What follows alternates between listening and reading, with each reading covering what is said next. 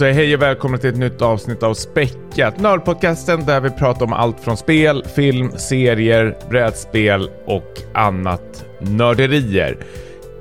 Hej Niklas. Hej Tommy. Ja, det, det gör ont i hjärtat av någon konstig anledning när vi kallas för Nördpodcast. Jaha. Jag, jag vet Varför inte det? varför. Jag, ja, men jag tror att vi kanske vill kalla oss det i början för att vi skulle få fler lyssnare. Men är nörd något bra längre? Det är väl, ett, beroende på generation så är väl det ett skällsord. Ja men precis. Jag har alltid stått upp för mig själv att jag är nörd och tycker om nördkultur. Men jag tror när folk börjar reclaima det och sa att det är coolt att vara nörd, då vill jag inte vara det. Kommer du ihåg filmen typ, vad heter den? Nördarnas eh, revansch? Nördarnas återkomst, Nördarnas återkomst från Ja. 80-talet. Revenge of the Nerd. Ja, den var ju... Är den Var sån... det bara ett gäng killar som filmade massor med nakna tjejer i typ badrummet? Det var väl, kom det fram sen ganska mycket, här, övergreppsscener. Eh, rakt upp och ner. det. Det är ju en scen där en nörd klär ut sig till Darth Vader för att lura henne. Ja, att precis. Han är hennes pojkvän eller någonting. Ja, Och trallar runt på henne. det tyckte man var kul då. Alltså det här är ju problemet med nörden. tror, tror jag. Vi måste ju, de måste ju ut ju. Det är, det är ju inte bra att vara nörd idag tror jag. Nej, jag tror att det är något som Ska vi vi kanske sudda får... ut det där? Ska vi ta bort nördpodcasten? Vi får rebrandas igen. Ja, men, ja precis. Dagens... Nörd, alltså det, det värsta är ju de här spelpodcasterna eller filmpodcasterna som säger jag är stolt nörd. Nej, Då tänker man, det tar vi avstånd från. ja absolut. Hur är det med dig? Jo, men det är bra. Det är, vi har ju blivit mer och mer en sportpodd. Du vet väl vad jag ska komma in på, men Ja, absolut. det är ju ett fotbolls-VM som eh, går just nu och eh, det, då trivs man ju. Eh, både du och jag, känns det som. Ehm, du, har, du har väl blivit mer och mer intresserad medan jag alltid har varit eh, ett fan av Ja. eh, damfotboll. Ett fan av damfotboll har väl du aldrig öppnat truten till tror jag någonsin. Jo då. Jag Eh. frågade dig om vilka matcher man skulle se, då var det helt tyst i chatten. Nej. Ja. Jag hade en, en rolig grej, eh, Ja, mest sorglig grej om det. Eh, Jag, kom på, jag kommer ihåg när jag spelade det senaste, eller sista Fifa-spelet. Mm. Eh, Då brukar jag gå in och kolla vad det är som, om det finns några lätta trophies att ta. Eh, och då var det den enklaste, liksom den trofén som eh, minst antal hade, så här 0,05 procent eller någonting. Det var att Mm. spela en match med ett damlag i spelet. Men det är ju ingen som har något intresse där av Fifa-fansen. Nej. Så det gjorde jag, spelade Nej. en match och fick den trofén. Ja. Sen blir det inget mer. Ja, det. Nej, precis. Du... Det är inte det som tanken att du, skulle fortsätta kanske göra det också. Ja, men precis.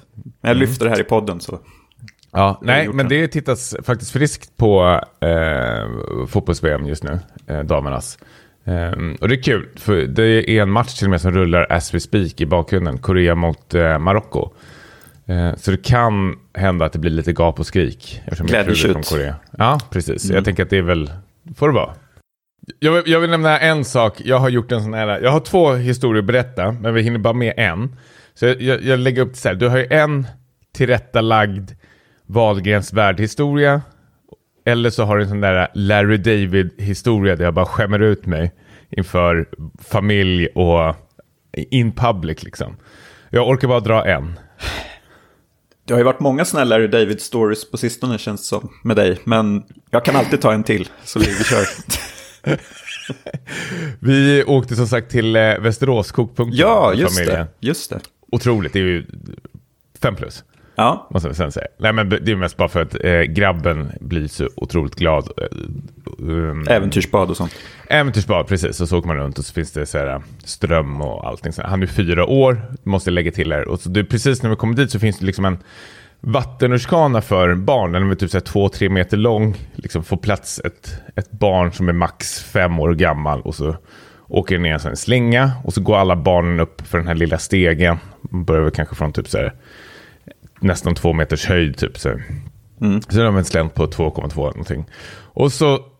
ehm, alla barn är svinduktiga, alla föräldrar står bredvid och är så här, eh, beundrar dem liksom för att liksom vänta en i taget säger alla och så ser man att ett barn åker ner och så väntar man till det barnet går ur och så är det dags för nästa barn liksom. Ja. Och det, det liksom flyter på det här och min son klättrar upp, han väntar och då går jag ner för att liksom möta upp honom där. Ehm, och så börjar han åka och så ser man de här eh, liksom leendet i det här barnet. Att han, det, han älskar ju det här. Det här är ju bästa han vet. Liksom. Det är en slow motion stund för livet. Nu kan det hända att jag säger Sigge Eklund bryter ihop igen i, i podden. så, och du likgiltigt sitter och gäspar. Vi går vidare förra avsnittet. till nästa. Ja. men så ser jag det här barnet, min son, liksom så här, alltså det, det är jättefint, det händer så, det, tiden står ju nästan still då. Och så kommer han ner och så tittar han upp på mig och man ser att det är sånt otroligt rus i honom att typ så här, det här är det bästa som finns och nu kommer jag göra det här 2000 gånger till. Och så händer det att liksom, han reser sig upp och så ser jag liksom i sidan att det kommer liksom ett annat barn. Och det är inte vilket barn som helst utan det är liksom ett ni, åtta, nioårigt barn som är liksom en, en stor som en kloss liksom. Med, kommer med cyklop och allting och bara så här dyker Dave the Diver. rutschbanan.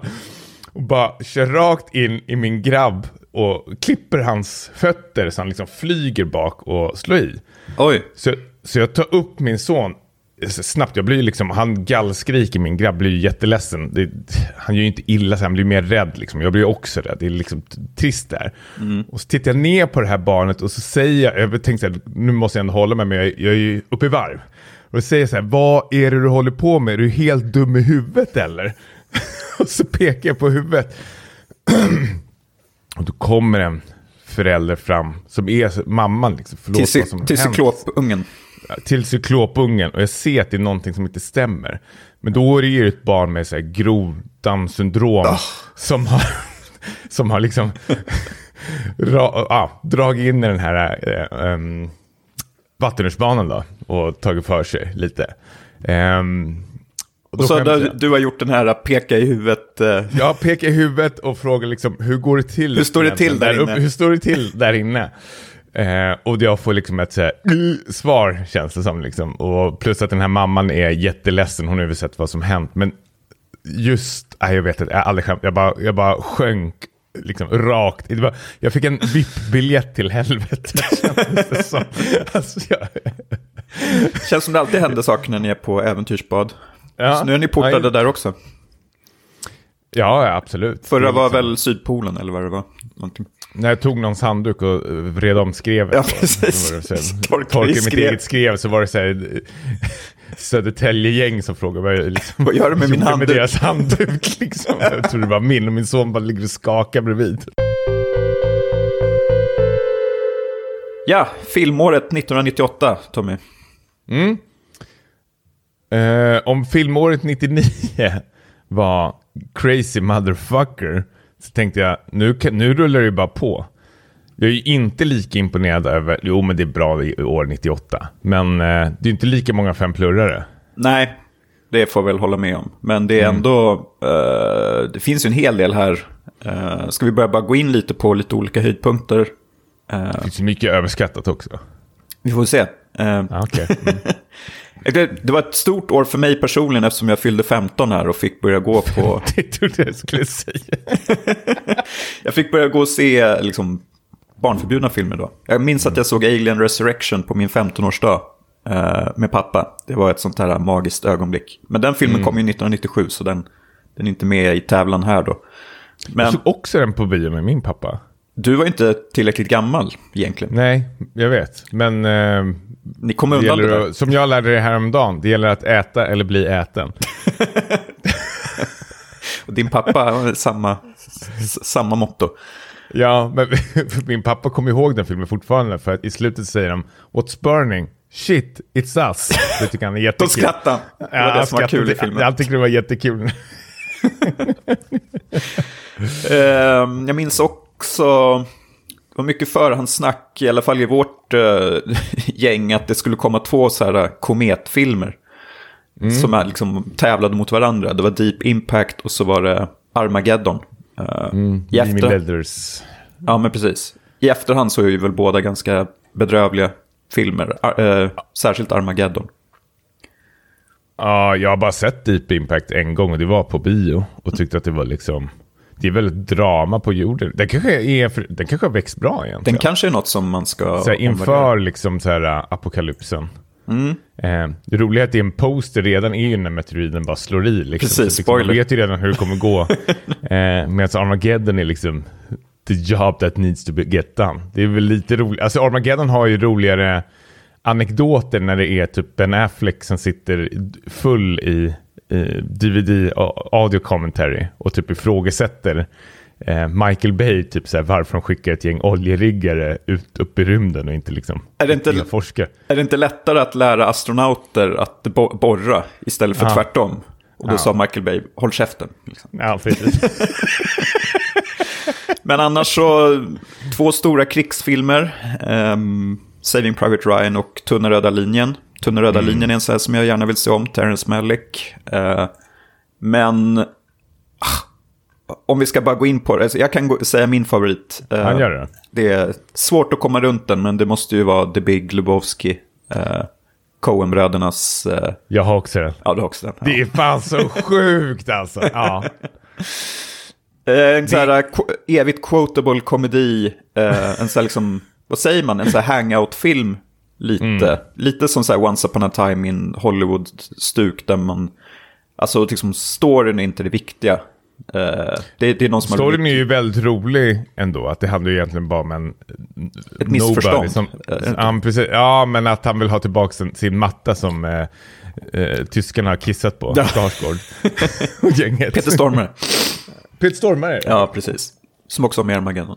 Mm. ja, men eh, det är väl liksom Coens roligaste film. Eh, de har gjort mycket kul genom åren, men här eh, klaffade allt. Eh, och det här är väl en... Otroligt soundtrack också är det ju. Just det, med så här gammal...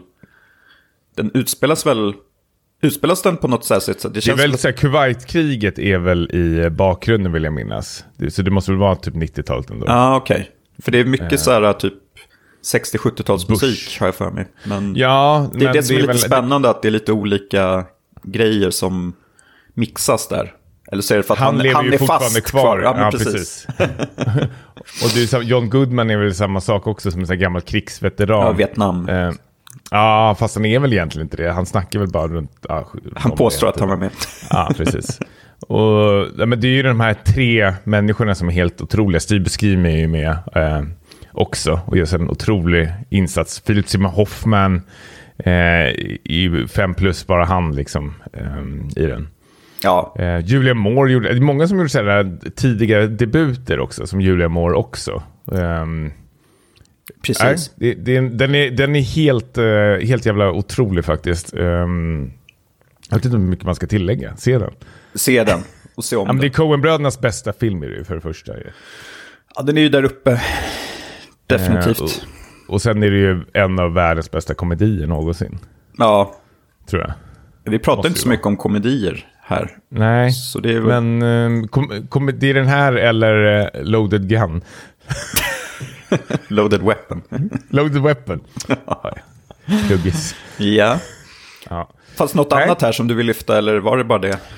Eh, ja men absolut, på tal om Philip Seymour Hoffman så har vi Happiness. Eh, på tal om mörk, mörker, eh, tänkte jag säga. Det var ju inte kanske Big Lebowski, men Happiness var väl typ en av de här eh, indie-filmerna som var på min, på min tid, men jag kommer ihåg att den var så här stökig att få tag på när jag samlade på DVD-filmer. Jag kommer ihåg att jag köpte den från Megastore-butiken. där de hade lagt in den i en sån här eh, glasfönster eller någonting. Alltså det var typ nästan så här 300 spänn jag fick betala för den. Mm -hmm. för en DVD-film.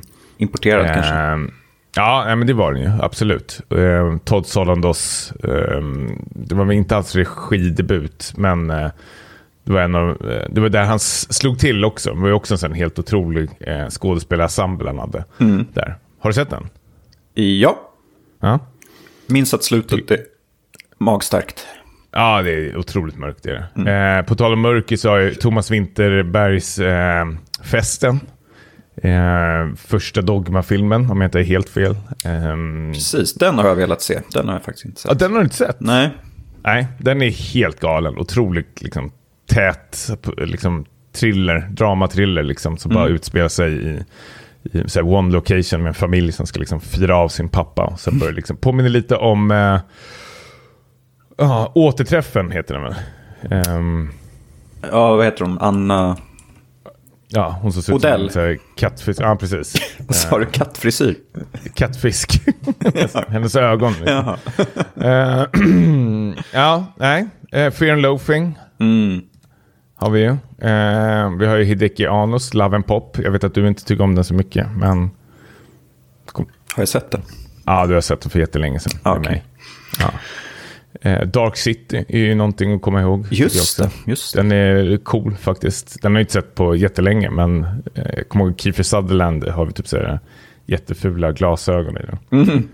Ehm, The Ring, japanska, var ju också så här en... ehm, det var ju en ny era av eh, liksom Japan, J-horrorfilmer då. Det var liksom den som kanske slog in ehm, internationellt då, faktiskt. Eh, och satte liksom J-horror-genre på kartan, vill jag minnas. Ja, grymt år ändå tycker jag. Ja, precis. Du var inte mer än så, du har inget mer att tillägga. Nej, du, du, du, jag, sitter, jag ser att du sitter och surfar och gör massa andra saker. så jävla taskig. Hörru, vi sitter här och säger att livet är 5 plus och 3 plus och 1 plus och allting sånt där. Jag lyssnade på våra otroligt härliga vänner och kollegor ska man inte säga att det är, men eh, vänner i alla fall från Gotipodden bland annat. Och spelet har ju samma sak. Eh, betyg, deras betygssystem, jag tror det var Gotipodden som hade det senaste avsnittet, att de skulle liksom förklara hur man ska sätta betyg. Eh, och det gör mig helt jävla... Det är otroligt känsligt för mig, det här ämnet faktiskt. Och jag vet att det är för dig också. Men att när man sätter 8,5 på något av 10 och säger att det är godkänt, då är det någonting som har gått fel, tycker jag. Verkligen. Är det någon som har gjort det? Ingen namn, Ingen nämnd, ingen glömd. ingen nämnd, ingen glömd. Ja. Nej, men, men, men eh, så här, varför, för det första, om jag börjar så här, jag tycker ändå, ska vi börja med ett betygssystem här i också? Jag tycker ändå det kan vara rätt så skönt ändå, för, som en liten fingervisning till vad man tycker. Vi säger alltid så fort något är bra så är det 5 plus, och sen är det lite ironi i det hela tiden. Och sen går vidare. Och jag tror lyssnarna lämnas typ med ett stort frågetecken ibland, eftersom det kan bli någon slags intern jar- jargong nästan i det. Ja. Ehm, men man har ju sett att folk på Discord börjar haka på det här nu förstås.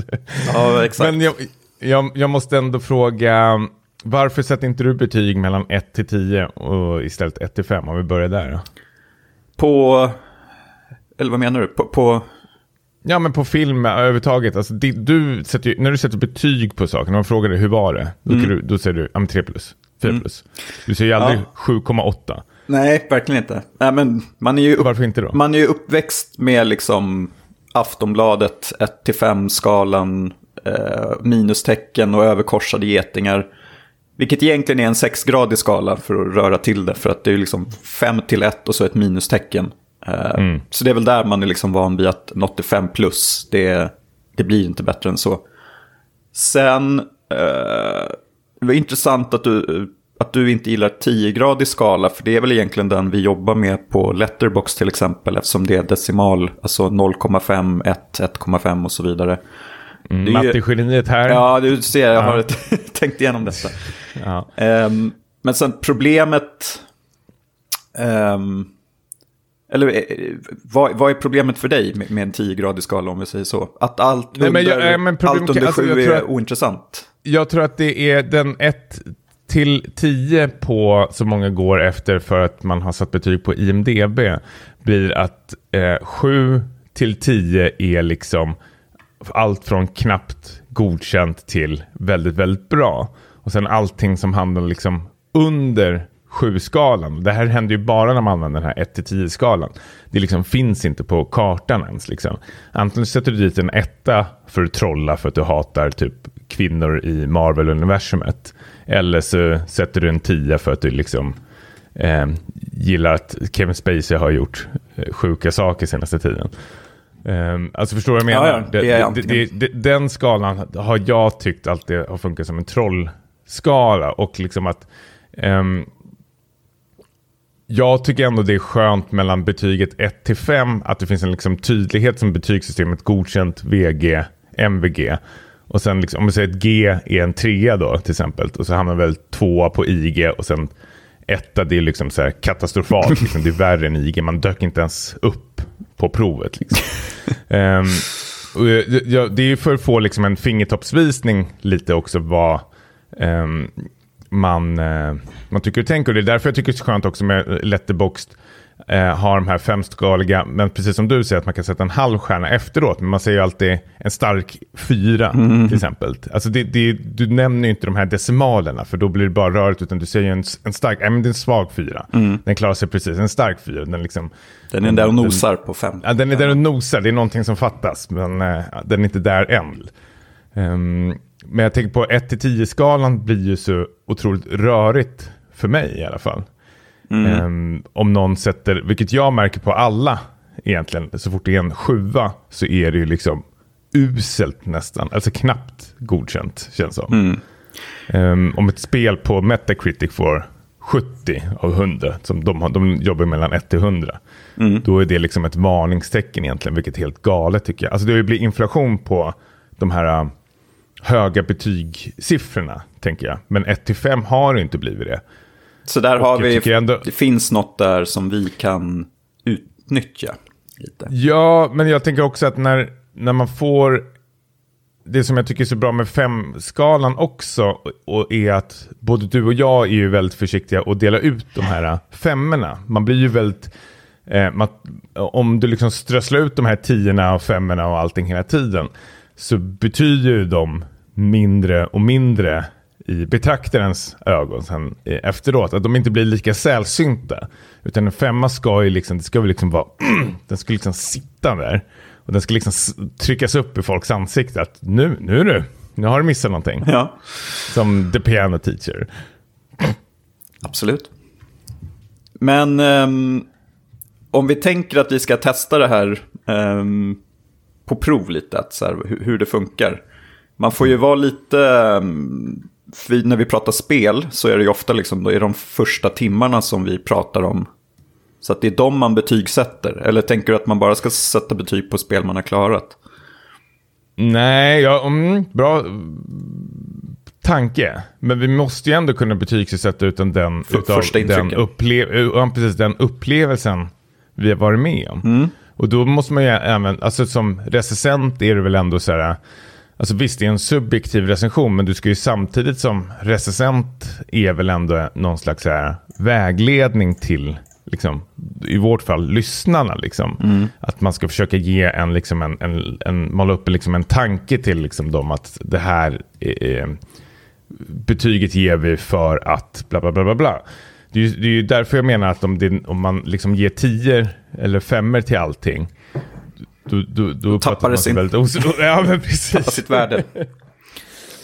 Ja, precis. Ja, men fem, femgradiga skalan är ju rätt bra, tänker jag. Mitt snack just nu om det här är ju två plus. Ja, det, är, det är godkänt. Det är riktigt uselt. Jag känner, jag, jag, jag har bara skrivit diskussion, betygssystemet, funkar det? Och sen, sen bara, diskussionen funkar ju inte. Det här är jättetråkigt att prata om. Ja, men det, uh, jag tycker du har fått fram vad, vad du vill Um, men vad tycker du? Vad tycker, vad tycker du om 1-10-skalan då? Säg nu vad du tycker.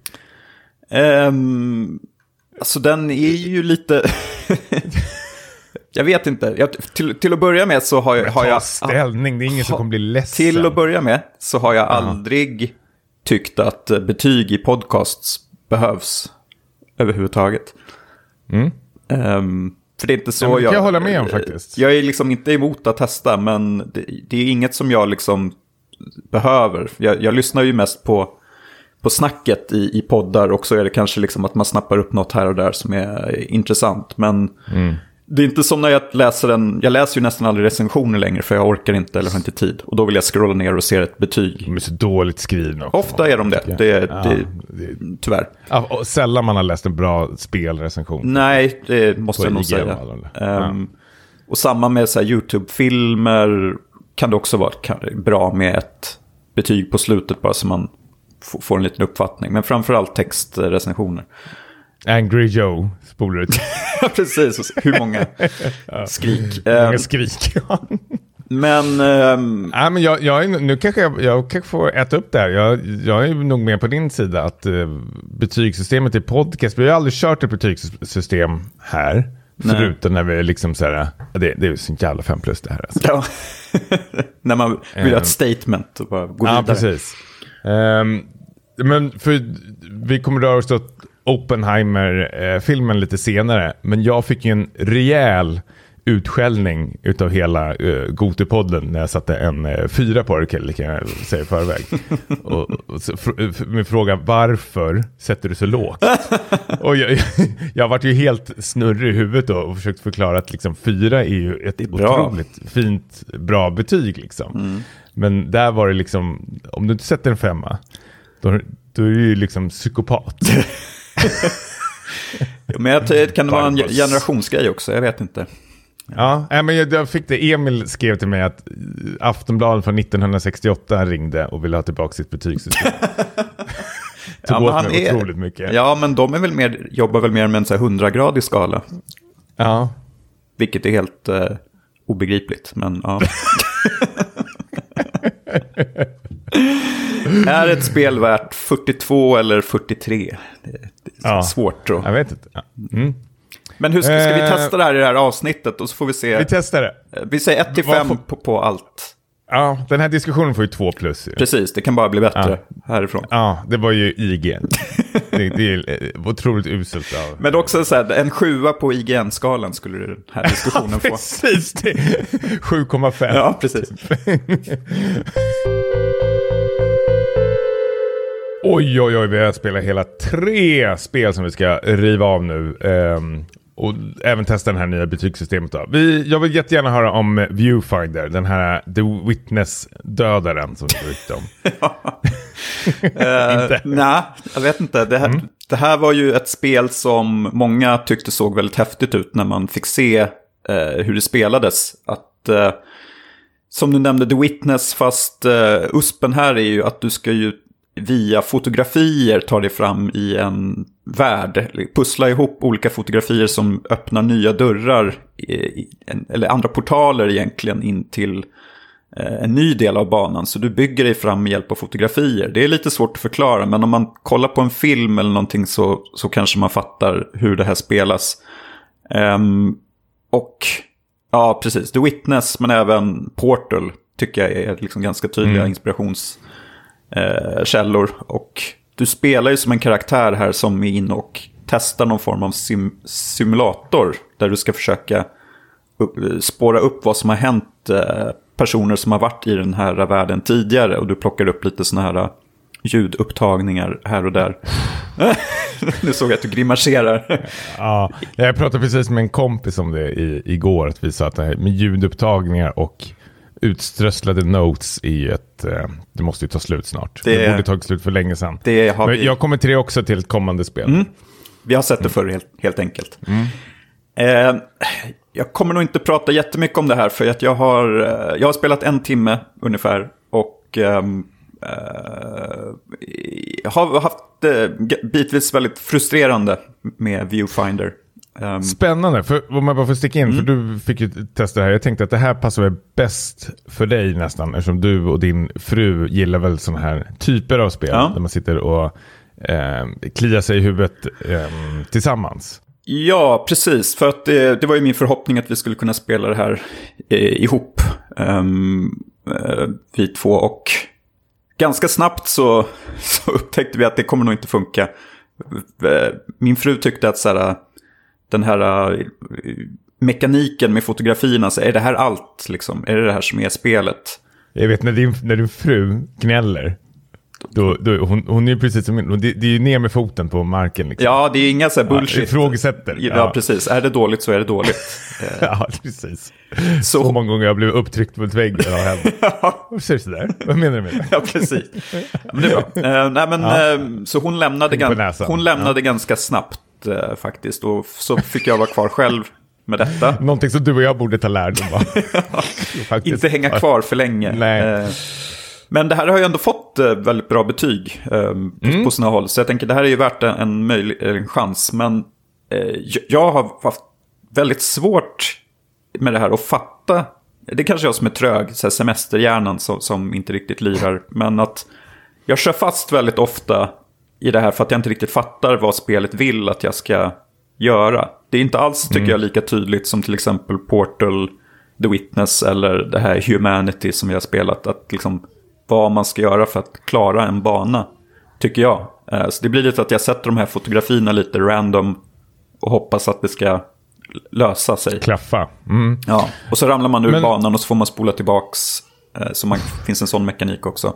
Men, det, men det är ju en polaroidkamera man ska ta kort på och så tar du polaroidfotot och så ska du liksom klistra in det någonstans på banan för liksom så här, du ska bryta det här det visuella mönstret liksom. Ja, men exakt. Om vi säger att det är typ två, banan är uppdelad i två delar och att det, du, du ska ta dig över till andra, del, eh, andra delen av kartan. Och så är det en bro till exempel som är borta.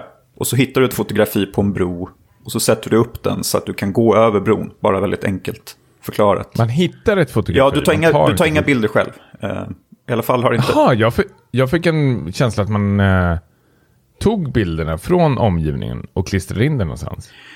Nej, du, du, jag fo- bara fått för du fotograferar inte utan du hittar bilder. Lite då gör det ju ännu lättare ju. Ja, det borde vara lätt, men Det är irriterat. ja, nu börjar jag brusa upp här.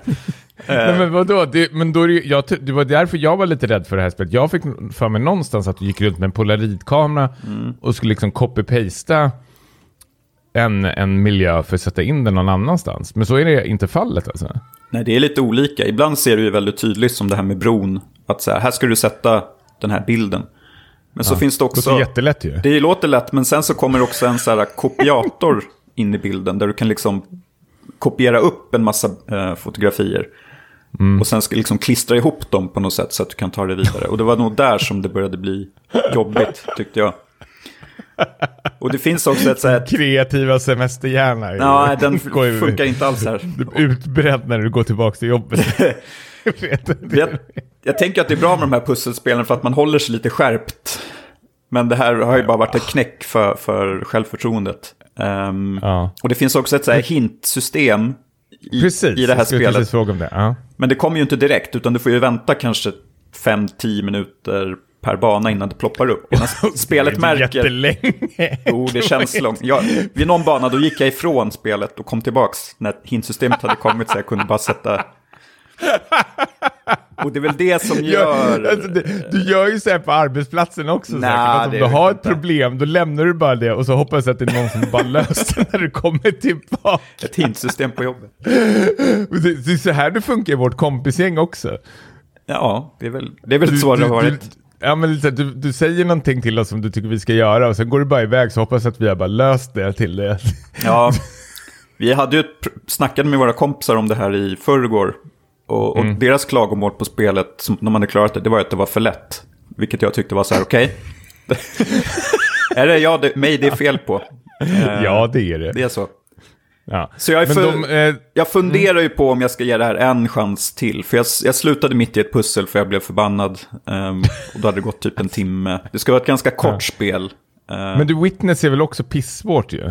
Men där tycker jag jag det finns en mycket, mycket mer här, tydlighet kring vad man ska göra. Jag tycker det är mycket Absolut. mer, det är mer Det- det pedagogiskt än vad det här spelet är. Mm. Ja men det håller jag med om. Men jag menar att det, det, är ju inte- en gång man fastnar i The Witness och kliar sig i huvudet rejält. Liksom. Men det var kul tyckte jag ändå. Att det var när man satt fast i The Witness då satt man liksom. Ja, Det var det kul att ta den utmaningen. Men här känns det inte som det om jag hör på dig. nej, och The Witness, där finns det ju, där kan du ju en hel ö, du kan gå runt och testa något annat pussel om du kör fast på, Ja. på något. Vilket kan också bli overhand för vissa. Det kan det ju vara. Ibland är det skönt att bara ha ett pussel och det är liksom det här du ska lösa. Mm.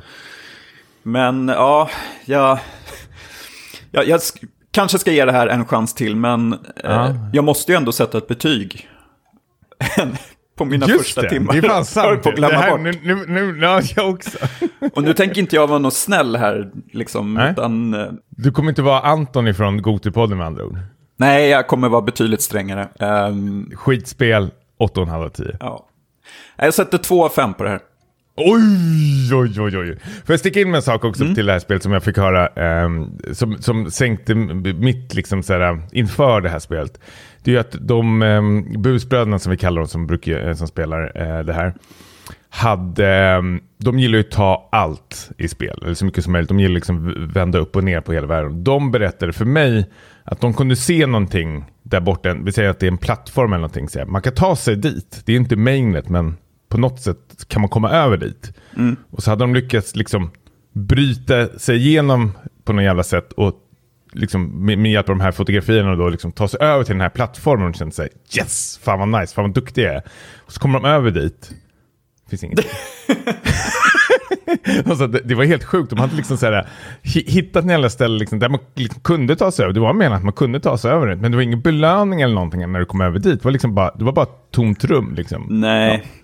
Det, och där kände jag att, liksom så här, vad fan, vad är det de håller på med? Ja, nej, jag vet inte. nu- Vi har ju pratat om att det här det skulle kunna benämnas som en glorifierad tech-demo. Om man vill vara lite elak. Mm. Eh, Och jag har även hört folk som ville, skulle vilja ha det här till VR, att det kanske skulle funka lite bättre då. Ja, kanske. Det låter som jag skulle bli illamående. Eh, Ja, men det blir ju hela tiden. ja, precis. det Jag har varit ute och druckit öl också. Ja.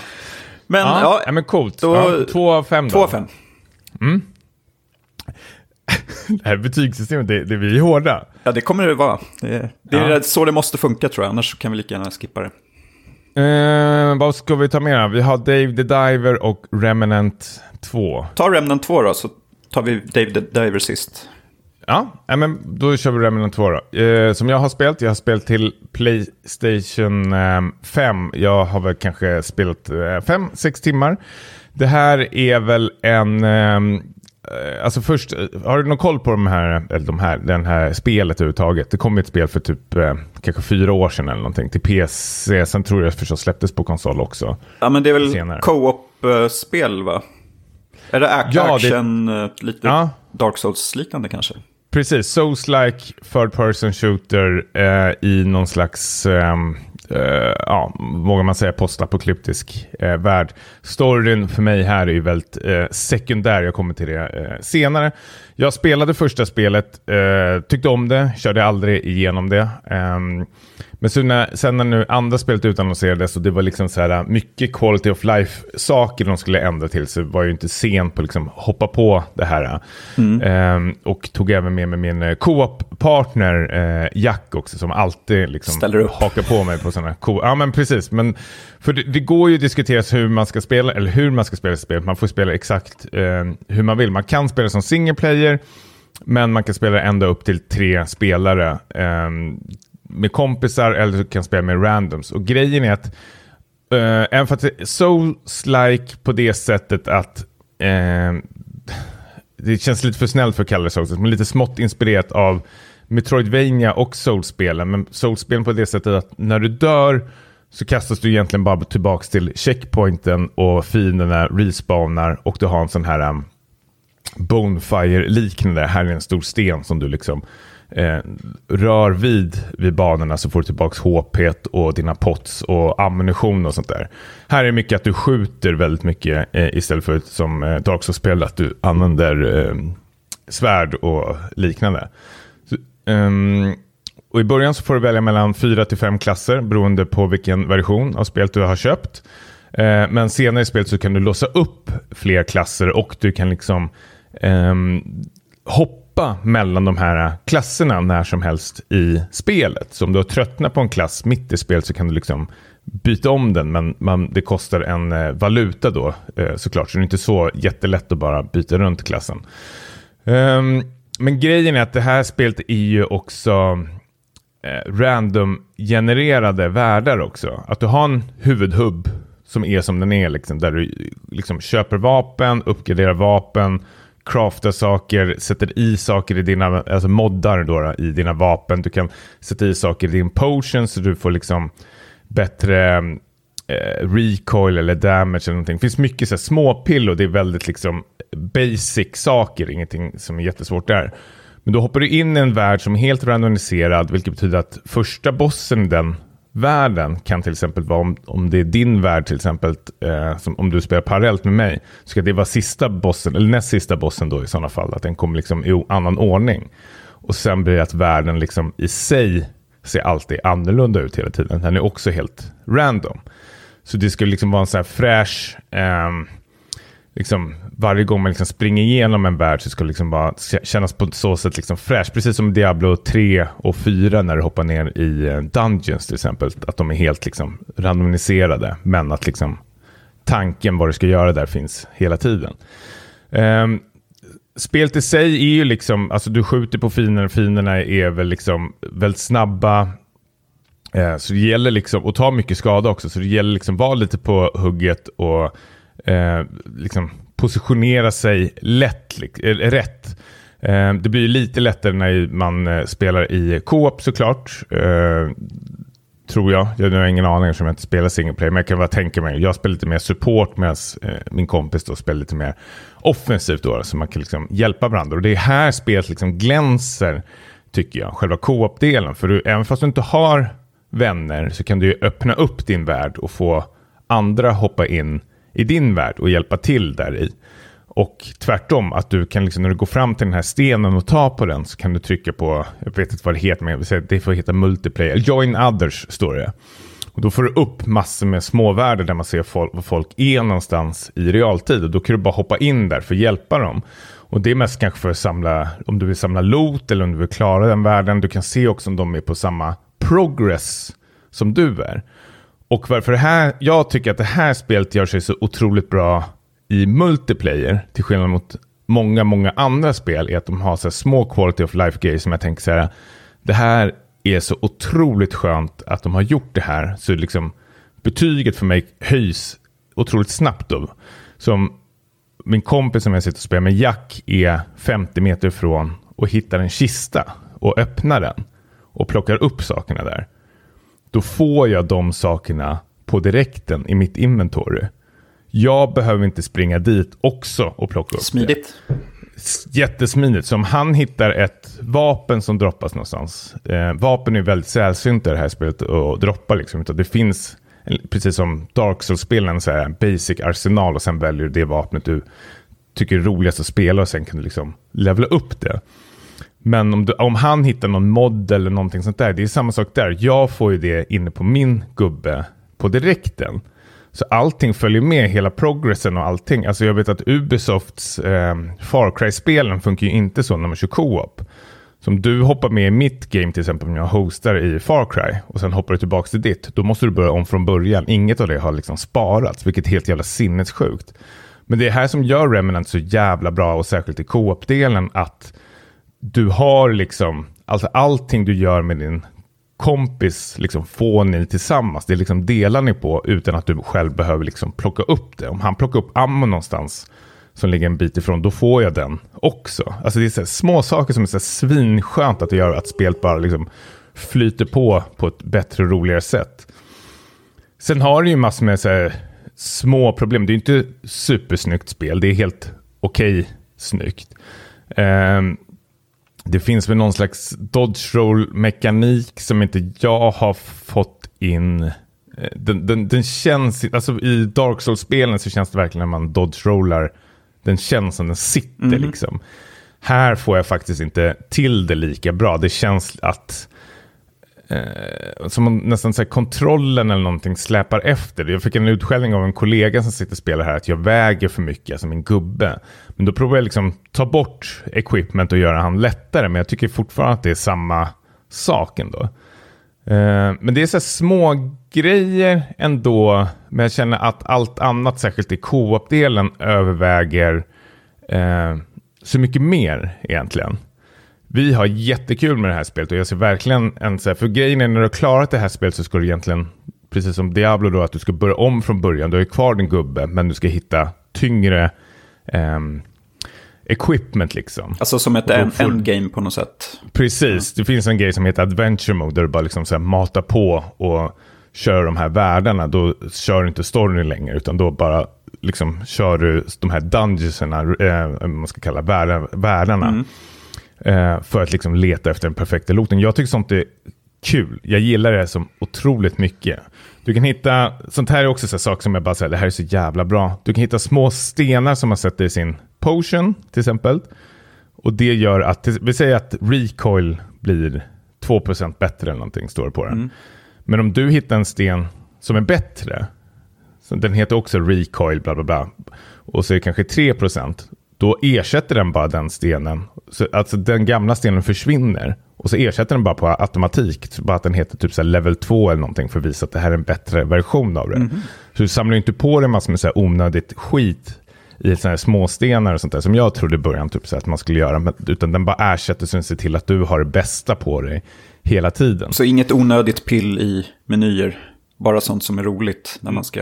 Ja, ja men precis. Det är, det är, och det, jag spelar på ehm, konsol som sagt. Och det fungerar jättebra att klicka sig runt och sätta i saker och allting. Det är inte som inte lika pilligt som Diablo 3 utan det är, eller Diablo 4. Eh, utan det är mycket, mycket, mycket tydligare eh, och lättare eh, faktiskt. Ehm, och det tycker jag ändå är rätt så skönt eh, på det här sättet.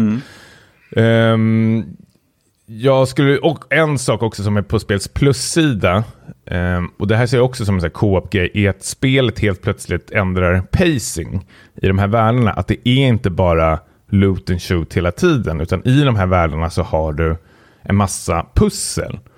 Och vi har väl stött på två, tre pussel, alltså stora pussel, som har varit eh, ja, men riktigt, riktigt bra tycker jag ändå. Som har varit kul och suttit och gafflat tillsammans med och hur man ska lösa det. Och det har tagit liksom, vissa pussel har tagit liksom 10-20 minuter att lösa. Och det har inte varit så här irriterande, Som i frustrerande pussel. Viewfinder. Nej, nej, men inga sådana, utan det är väl typ så här att man skulle ställa in klockan på något eh, ställe och så skulle man hitta, vad ska man ställa in det för tid? Och då ska man gå runt liksom i omgivningen och leta efter ledtrådar och så börjar man prata och diskutera med varandra. Och sånt ger väldigt mycket för mig när man sitter med sin kompis och sitter och försöker lösa, eh, men tänk dig ett escape room liknande. Att man sitter och typ och vrider och vänder på allting och, och sånt där. Sen är det så otroligt skön känsla när man eh, löser det här pusslet och då är det liksom inga fiender eller någonting utan då har du bara det här pusslet för dig själv. Och jag tycker det gör det väldigt, väldigt bra med den här pacingen då. Ehm, ja, Men om du ska betyg. betygsätta detta. För nu, du, du har ju inte klarat det, men du är en Jag är inte bit- klar. bit Jag har precis klarat värld två och vad jag fattar som så finns det fem världar. Ja, okej. Ganska mycket kvar då. Så, ja, men det tror jag. jag kanske, återigen, jag har nog spelat 6-7 timmar av det här spelet. Eh, och det är minst eh, en dubbla kvar faktiskt. Bara för att klara mängdgrejen. Eh, men av... Har vi betygssystem 1 till 10 eller vad sa du? Nej. 1 till 5. Ja, men då blir det nog en... Åh, co-op-delen är så otroligt bra. Jag måste nog sätta en femma. Nej. Fan vad svårt det var. Får, man säga stark, stark någonting? Eller? Ja, det, jo, men det tycker jag man får göra. Jo, nej, men då blir det en stark tre Ja. tror jag. En, eh, För det låter- för det gör väl inget kanske så här superrevolutionerande eller någonting. Exakt. Det är kul att spela, men jag trodde inte jag ha- hade haft lika kul när jag satt och spelade själv faktiskt. Då hade jag nog eh, stängt av rätt så tidigt. Mm. För, eh, det- Co-op-delen för mig gör väldigt mycket, men jag gillar ju co-op och spel med kompisar eh, väldigt mycket. Så, sånt är alltid ett plus för mig.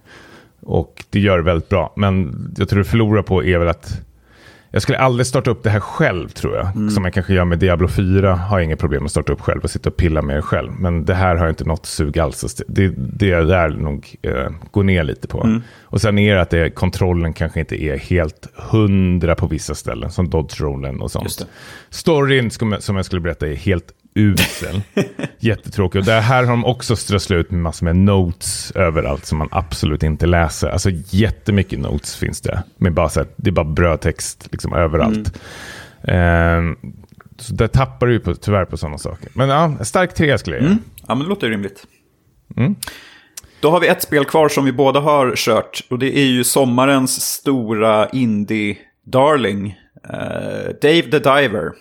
Som eh, jag vet var i Early Access ganska länge. Släpptes nu i, om det var juni tror jag. Eh, och har ju fått, så här, apropå betyg, sjukt höga betyg. Eh, och det verkar som att både kritiker och eh, liksom fans, användare är väldigt nöjda. Men vi får se vad det, hur långt det kommer på vår betygsskala, vår hårda betygsskala. Men lite kort, eller ska jag, vill flika in något? Nej, eh, jag, eh, du, du, sa att det var i early access och det eh, kände jag till. För vi satt och pratade om det i, eh, när vi var ute på Sponken eh, häromdagen. Jag kände ju inte till det här spelet alls förrän det släpptes. Liksom. Mm. Eh, då, då var det första gången jag hörde talas om det. var samma sak för våra, några av våra vänner också. Eh, hur var det med dig? Hade du koll på det här? Jag visste att det var i early access, men jag hade hört om det någonstans. Men sen så kunde jag ju inte förutse att det skulle få sånt genomslag. Många spel som är early access bara släpps och sen försvinner ju. Men det här har ju verkligen mm. slagit, eh, mm. känns det som. Men det är ju, väldigt kort så är det ju ett, um, eh, ja men vi spelar ju på, på PC, Steam. Um, och jag har spelat det på Steam-däcken, vilket gör sig väldigt bra till. Men du är ju kort en dykare som på dagtid eh, dyker i eh, havet för att hitta eh, loot och liknande. Mest är det ju att du ska driva en sushi-restaurang på kvällstid. Så att du ska ju fånga fisk på dagen som du sen serverar på kvällen. Så att det är egentligen två spel.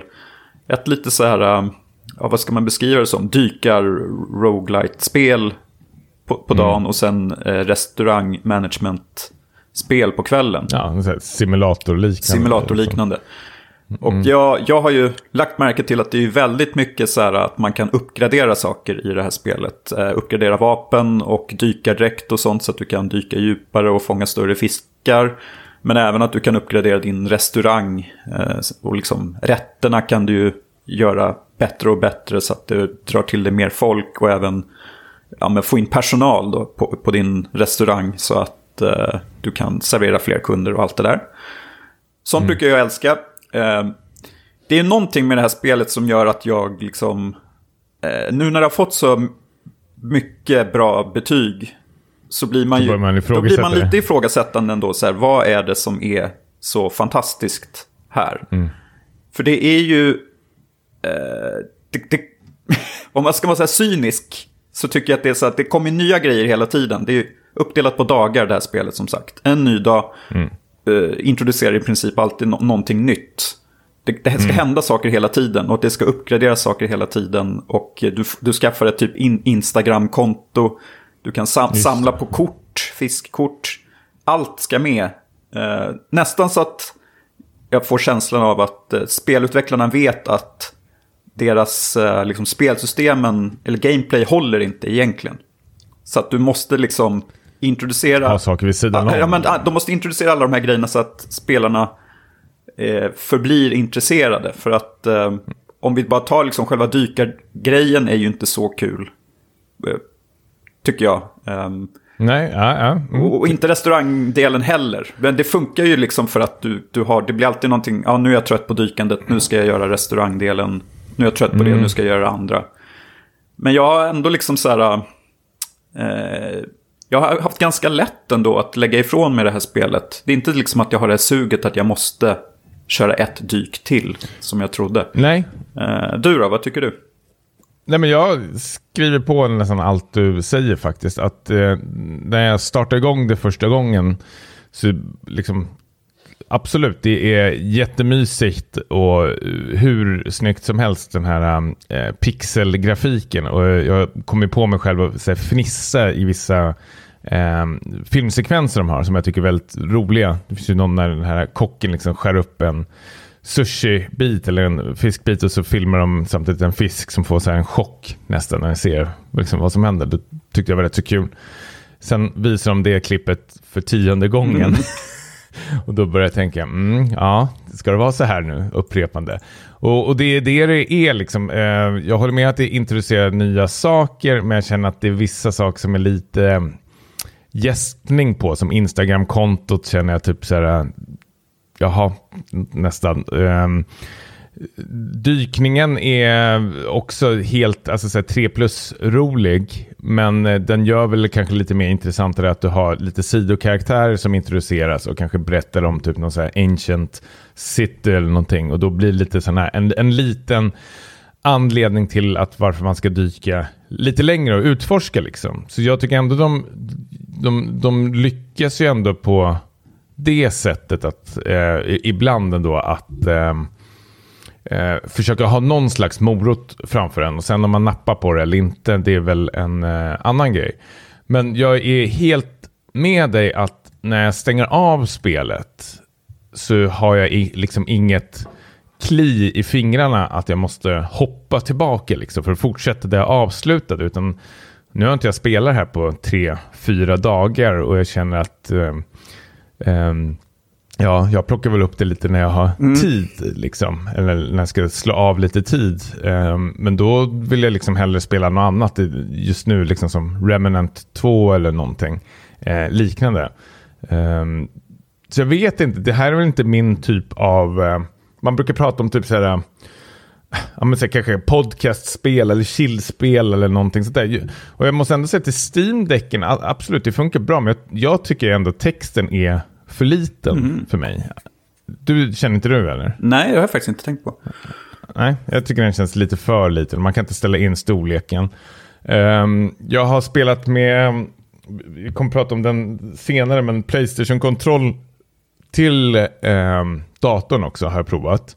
Och det funkar hur bra som helst, men då är det här problemet, jag har inte hittat någonting att fixa det. Det är ju att Um, det, är inte, det är väl lite spelsfel också förstås, men det är att du har de här A, B, X och Y-knapparna fortfarande. Mm. Att den inte känner av att det är en Playstation-kontroll du har tryckt i. Nej. Och, och, när det står att du ska trycka på A, då kan jag bli så här, oh, vad sitter den?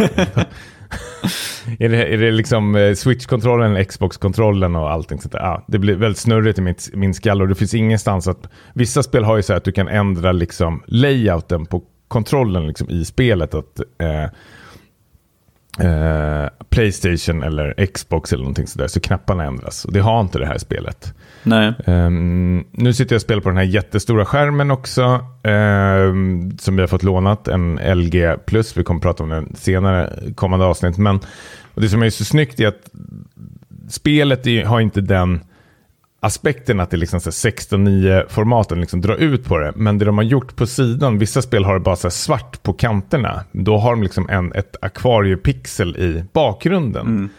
Så den bara fyller ut resten av skärmen. Jag tycker det är rätt så snyggt och bra gjort av dem. Det har inte ens, vissa trippel A-spel har liksom inte det om de inte kan fylla ut hela eh, skärmen. Ja. Um, och det tyckte jag var rätt så tufft faktiskt. Men jag, jag vet inte. Jag, jag måste ändå säga att det här är det är inte dåligt, men det är, jag får en liten överskattad känsla. Mm. Ja, jag, jag, är ju inne på samma. Um, och uh, vi pratade med en kompis till oss som har spelat liksom över 20 timmar.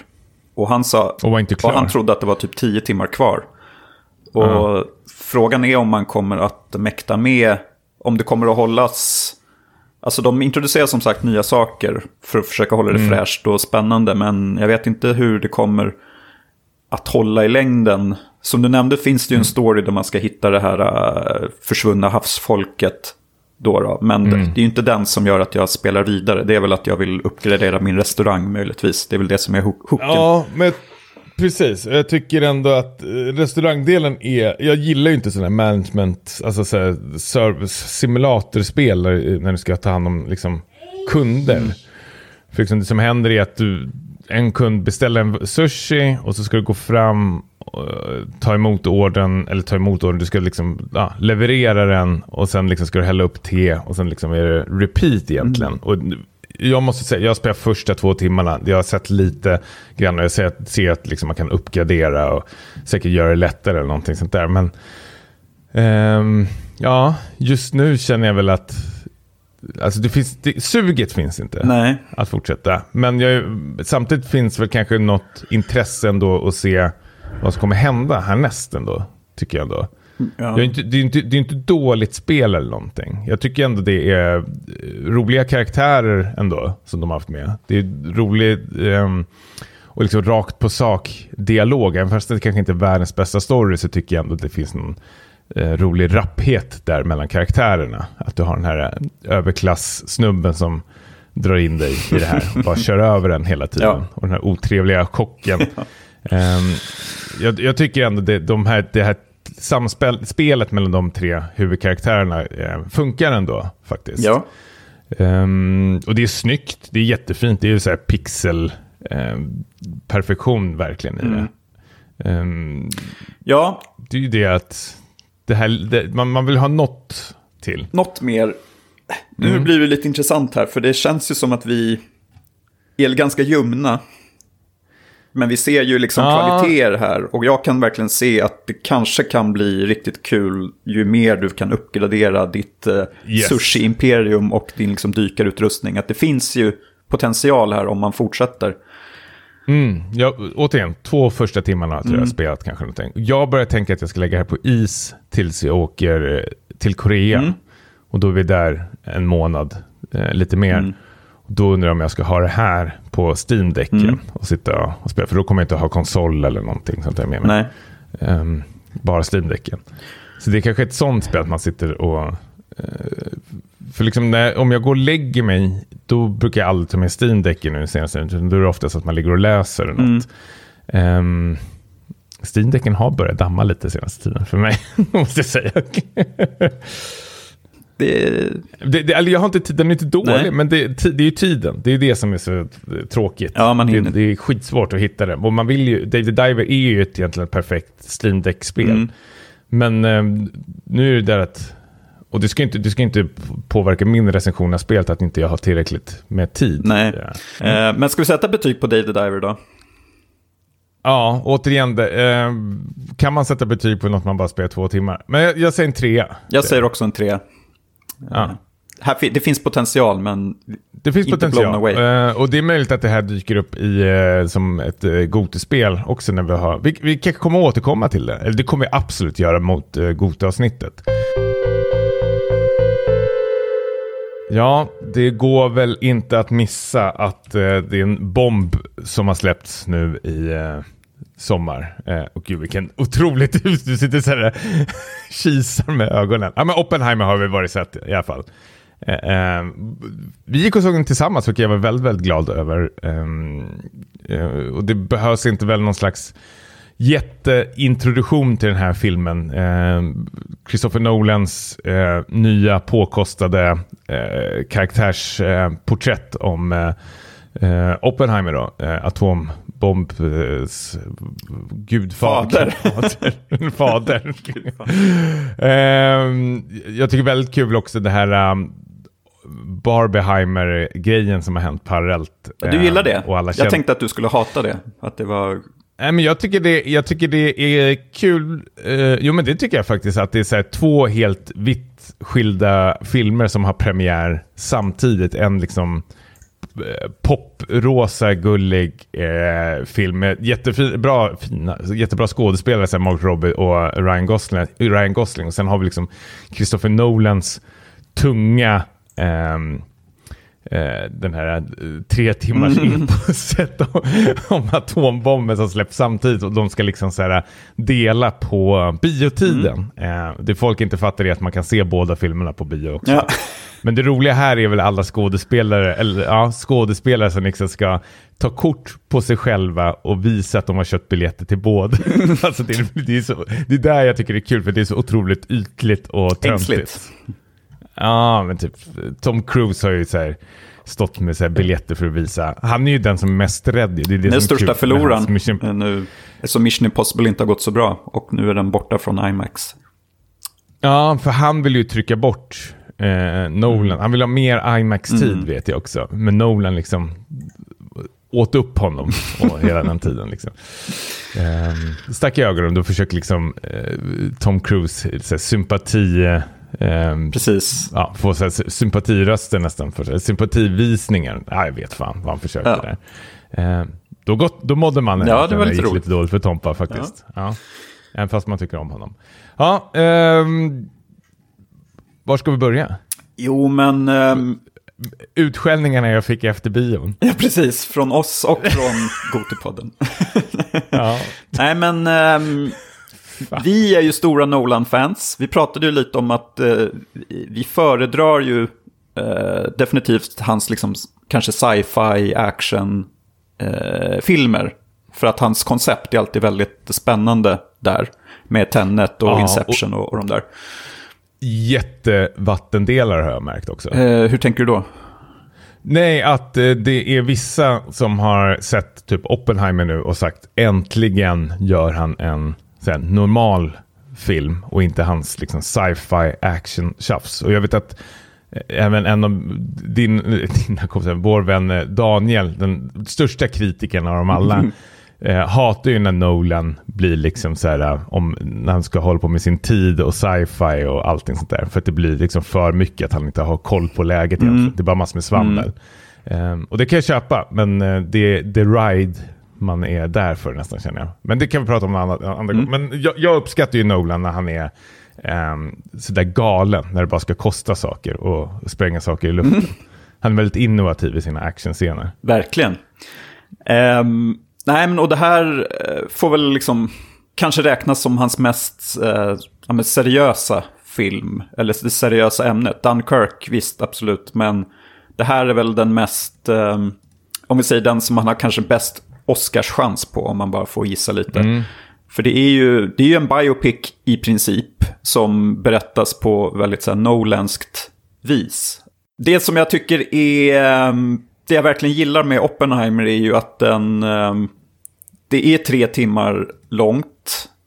Men ändå så liksom det, det visar enbart egentligen ur Oppenheimers eh, perspektiv och hans eh, liksom ärkefiende som spelas av Robert Downey Jr. Nästan så Amadeus-historia där inom det här atombranschen. liksom, så här. Amadeus historia. Har du kollat upp det? Eller har du kom Jag kom på själv? det nu, att jag tyckte att det kändes som Ja. så här, det, någon... Ja, nej, det var sjukt snyggt Ja. av dig. Mm, den, den kommer jag sno.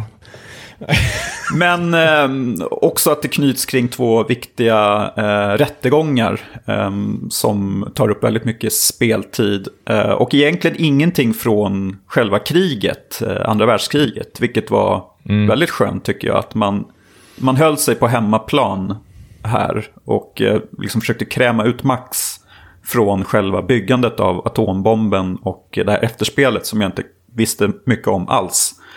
Ehm, Nej, jag hade noll koll faktiskt på det. I stort Ja. Och det är ju, det händer ju grejer, alltså det är ju väldigt rappt berättat ändå. Det är någon form av så här, det känns som att det, det bara drivs på hela tiden. Framförallt av Ludvig Göranssons eh, musik. Att det känns som att det händer grejer hela tiden. Det blir aldrig, det stannar aldrig upp. ehm, tycker jag. Och det är nya kända ansikten om vartannat. Ehm, många skådisar som man känner igen och bara dyker upp som hastigast. Eh, och egentligen... till det då? Alltså det, det, jag trodde väl också att det skulle typ kanske kulminera i själva bomben. Att det liksom, man släpper bomben på Hiroshima och Nagasaki. Men så är det ju inte heller. Utan det, eh, det slutar ju egentligen med eh, rättegångarna som sagt. Som känns som att de så här, tonsätts med så här, actionmusik. Alltså att det skulle kunna vara så här, musik till actionfilmer. Fast det är till de här rättegångarna. Så att det, de blir ju nerviga på ett sätt som jag inte riktigt har sett tidigare. Ehm, Så jag, jag har ju tyckt att det funkade hur bra som helst. Även fast själva liksom kanske utgången av rättegången inte var så intressant eh, på det sättet. Nu får du flika in med lite tankar om... Ja, eh, nej. Jag tycker, det är jag tycker jättesvårt. Den ligger ju fortfarande färskt i minnet den filmen. Man har inte smält den eh, helt. Det går ju runt och tänker på den eh, fortfarande. Så på det sättet är det ju ett väldigt eh, bra betyg. Alltså, den sitter ju kvar länge i den. Eh, och, och, då- det, det, då måste den ha gjort något slags eh, avtryck. Jag tycker ju om den jättemycket. Eh, men det är samt vet jag att det finns vissa partier som jag känner jag vet inte om jag var mitt, mitt helt eh, sinnesfulla bruk när jag såg den här filmen. Jag, gick, jag kommer ihåg, jag gick, eller kommer ihåg, det är inte så jättesvårt att komma men eh, samma dag som jag skulle se den så gick jag upp 20 över 4 på morgonen. Eh, så jag var ju redan då, i, min, min hjärna var rätt så ehm, trött kan man ju säga innan vi gick in. Liksom. Jag, försökte, jag tryckte i mig liksom, två stycken energidrinker. Liksom. Det kanske inte är det bästa man gör när sockernivån bara flyger upp och sen ska den liksom spikrakt ner igen. Um, för, för I början vet jag att det är sånt jävla tempo och jag är liksom helt med på allting och, och liksom sitter och eh, memorerar massor med namn och försöker få ihop det och allting. Sen händer det ju någonting särskilt mot, så här, eh, mot rättegångsdramat och då känner jag att det blir väldigt mycket ännu mera namn nästan och väldigt mycket män som ska liksom klämmas in och det ska liksom refereras till andra och allting sånt där som gör att jag eh, tappar lite fokus. Liksom. Vad är det för något de vill berätta här egentligen? Vem är liksom... Alltså, det, det blir, jag, jag, tycker det är väldigt bra att de inte gör... Um, vad kan man säga, så apelsin-tv utav det hela. Att man blir skriven på näsan liksom. Att de ska liksom hålla på och visa upp personer de pratar om hela tiden. Så det, det gäller för, alltså Nolan kräver ju väldigt mycket mm. från tittarna. Och det tycker jag ändå är kaxigt. Det är att liksom, uppfriskande. Nu, att, uh... Ja, men absolut. Nu gäller, det, nu, nu gäller det att åka med mm. här, eller hänga med här. För annars, liksom, om du inte hänger med, då, då, ja, du missa då delar. ja. du det. Och då, ja, precis. Och det, du, då, då är du inte med i farten längre. Alltså, du, har, du har förlorat liksom sprinten. Mm. Du är inte med liksom i slutet då längre nu här. Uh, och det var ju där jag kanske tappade lite då i sådana fall och fick inte ihop det eh, helt hundra mellan alla liksom, eh, gubbar och karaktärer till 100 procent. Jag tror ingen fick det, utan, men alla, säkert killar, ska vara lite tuffa efter biografen. Så ja men fattar du inte, det var ju liksom Nils Bohr och så var det de här och så satt ju de Senator Pastor och Bartlett och allting. Där, så här, Fan snälla, kom igen, du har ingen koll. Liksom. Du, bara säger massor med namn för att det låter mm. coolt egentligen. Ja, den här är ju någonting man ska se kanske en gång till. Eller som jag gjorde också var att man fick sitta liksom på Reddit lite efteråt och få lite så här... Eh, fylla i de här luckorna för att folk som mig liksom eh, inte nicka till. Nu kommer, jag, nu kommer folk bli skitförbannade. Men eh, ja, eh, alltså jag tyckte det bästa partiet var ju egentligen själva den här atombombsbyggandet när han ska liksom sätta ihop det här mm. teamet och vara någon slags här, äh, projektledare, projektledare känns det som. Och liksom, vissa funkar inte med andra och då får han liksom så snurra runt på liksom, eh, de här gubbarna som ska göra olika uppgifter. Alltså den... Den... den, den eh, ja, den har, den har ett sånt otroligt skickligt eh, så tempo och klippning och jag tycker att det är, på tal om att man inte blir så skriven på näsan, är ju när Oppenheimer reser runt i världen. Att till exempel nu, Mission Impossible-filmerna gör ju de så hela tiden och liknande filmer att liksom, nu åker vi till Zürich och så är det så här eh, etableringsbild på Zürich och så är det ett story Zürich, januari och så ska det stå en massa med saker. Mm.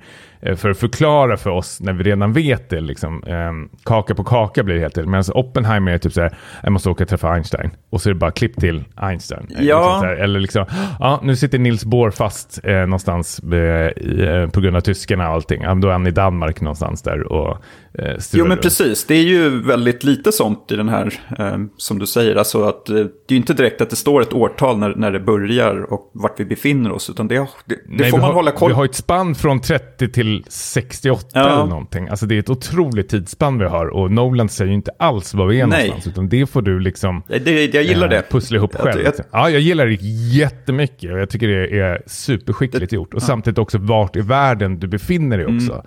Att du får titta ibland på arkitekturen eller liksom vad det är för plats. Liksom. Fan, nu är vi i Europa, eller nu är vi i USA och mm. sånt där. Att du, han säger inte alls liksom vad det är, utan det får du liksom pussla ihop eh, själv i skallen. Och jag tycker det är uppfriskande och väldigt kul faktiskt. Det blir som när man spelar de här geogesserna. ja, alltså jag är, ju mer jag liksom får smälta filmen och prata om den så desto mer gillar jag den. Um, det, om det är något som är svagt så är det väl som ofta med Nolan att eh, kvinnokaraktärerna kanske inte är top notch. Alltså det, det, kommer man ju, det får man kanske tyvärr räkna med när det är en film om det här manliga geniet eh, Oppenheimer. Eh, Jag tycker väl att Ja, men, ja. Emily Blunt tycker jag... Ta, ta in Ja, men lakarna. bring in the sheets. Emily Ja. Blunt tycker jag ändå gör liksom ett avtryck med sin roll. Hon har lite att jobba med, men hon får väl lite att, att göra i slutet där. Eh, tycker jag var bra. Ja, men Florence Pugh också tycker jag är Ja, hon är, hon är bra. Det är ju bra castat, definitivt. Ja. Nej, jag tycker att det här är... Uh, börjar vi närma oss att sätta ett betyg, eller, eller har du... Ah, men jag, jag tror jag har... eh, Nej, ja, ja, men jag har jättemycket att säga. Jag tänkte, en, en sak som jag snappade upp, jag vet inte om det är mening eller inte, eller om jag tar över analyserar här är att vi får ihop den här, och det spoilar ju ingenting eh, heller, men vi, alltså den klipps ju mellan färg och svartvitt. Precis som Nolans, liksom, inte första film, men typ första film, Memento gjordes också. Och jag tycker det är så snyggt att de här eh, två enskilda, ibland blir det tre förstås, men att de liksom närmar sig varandra, sen blir någon slags liksom övergång i varandra. Att det som har varit färg blir helt plötsligt svartvitt och tvärtom. Ehm, och jag, det är precis som Memento gjorde mot slutet också, när jag ska säga, eh, knyta ihop säcken. Och det känns väldigt eh, kul att eh, han gör liknande här, han använder sitt, gamla liksom, första stora liksom, format, eh, eller berättarteknik, och så gör han om samma sak här. Jag tyckte det var väldigt kul, eh, just mot slutet faktiskt. Ehm, sen fick jag ju, det, det måste vi ändå prata om, att jag, vi måste ju prata om mitt eh, Ansiktsblindhet. ansiktsblindhet. När ni säger Gustav Skarsgård var med. Och jag säger, vem? Och kul att se Josh Hartnett. Va? Var han Vem? med? Då blev jag lite oroad. Har hans laseroperation misslyckats så att han inte ser? Alltså det är helt sjukt. Både Skarsgård och Josh Hartnett var jag bara så här, eh, eh, jag hängde inte med. Jag f- fattade inte Nej. Att det var dem. Ehm, jag drog ändå argumentet att om du inte har gjort något avtryck på mig, då åker du soptunnan på direkten. Hela din personlighet, ans ansiktet, allting. Men så är det med folk, alla jag liksom har träffat någonsin. Om du inte gör ett avtryck Mm. eller någonting, då har inte jag någon lust att komma ihåg Inte det. värt att lägga på minnet. Eh, nej, och då blir det så här, eh, för jag hamnar i eh, Gotipodden, eh, är ju säkert Emil svinförbannad på mig för att jag inte kände igen Gustav Skarsgård. och då hade han som argument typ att, ja men har du inte sett Vikings eller Utvandrarna? Nej, och jag tänker aldrig se skiten heller. Alltså Gustav Skarsgård, vad är han känd för? Förutom var han Skarsgård? Vad det är väl... Och säg inte ondska, bli tokig då. För det är ju det är ju fan en film för 40 år sedan ju. Ja, nej, men det är Vikings. Har Ja. sett. Nej, Men Men du är jätteduktig på ansikten, det Ja. vet jag. Men jag, jag känner på direkt, nej, jag känner inte igen Jag visste inte vem det var Nej. alls. Jag har, jag, alltså det, det, är helt, det är helt suddigt framför mitt ansikte. Jag skulle aldrig, han skulle kunna stå bredvid mig i kön till någonting. Jag skulle inte fatta vem det var. nej, Ehm, nej det, jag kan förstå det ändå. Han är inte lik ja. sig heller. Däremot känner jag igen eh, Benny Safdie. Mm, det är bra. Ja, tack. Det tyckte jag var kul. Den fick jag plocka. Alltså, men George Hartnett tog jag inte. Sen tog jag även... Eh, åh, nu kommer jag inte ihåg vad han heter. bara. Matt Damon. Matt Damon. Får vi säga ändå, jag måste ändå säga att Matt Damon eh, var det sämsta med filmen. Ja, jag kommer ihåg att du sa det. Jag tyckte att han var liksom bidrog med lite humor och sånt i en ganska humorlös film. Jag tyckte han funkar bra. Absolut, ja, men jag tycker att Matt Damon var Matt Damon. Han kändes liksom som Ben Affleck hade regisserat honom. Jag tyckte, alltså de andra var ju så här topp, verkligen. Alltså allting bara köpte jag hela tiden. Jag sögs in i den här världen, men när Matt Damon kom, då var det så här, nu är det Matt Damon. Alltså jag, Du jag filmen. köpte aldrig hans... Ja, ja, jag köpte inte hans, alltså, hans skådespelarinsats. Jag tycker han var jätte, jättedålig. Jag, tycker, jag tänkte på det med klippningen och, och kameravinkeln och allting. Alla tittar liksom med, alltså karaktärerna när de, när de pratar med någon så tittar de alltid dem i ögonen nästan. Matt Damon satt mest Titta in i kameran. letade blick, ja men letade, började titta ner i golvet och allting. Jag satt så här, irriterar mig på det hela tiden. Så, men möt blicken då, din dumma jävel.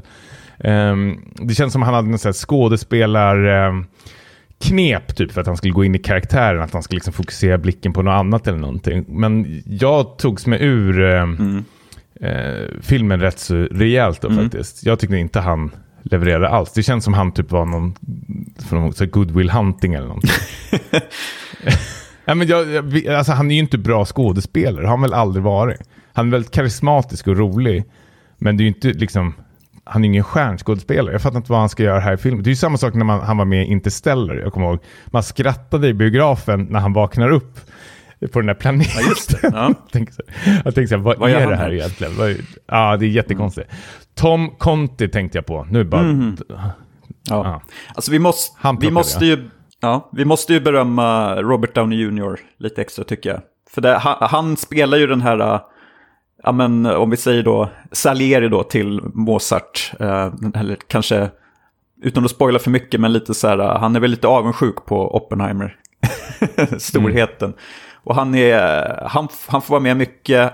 Eh, han har väl Oscar som i en liten ask, tänker vi. Best supporting actor. eh, med sin eh, prestation. Jag tyckte det var jättekul att se honom i en roll som inte är Marvel-kopplad.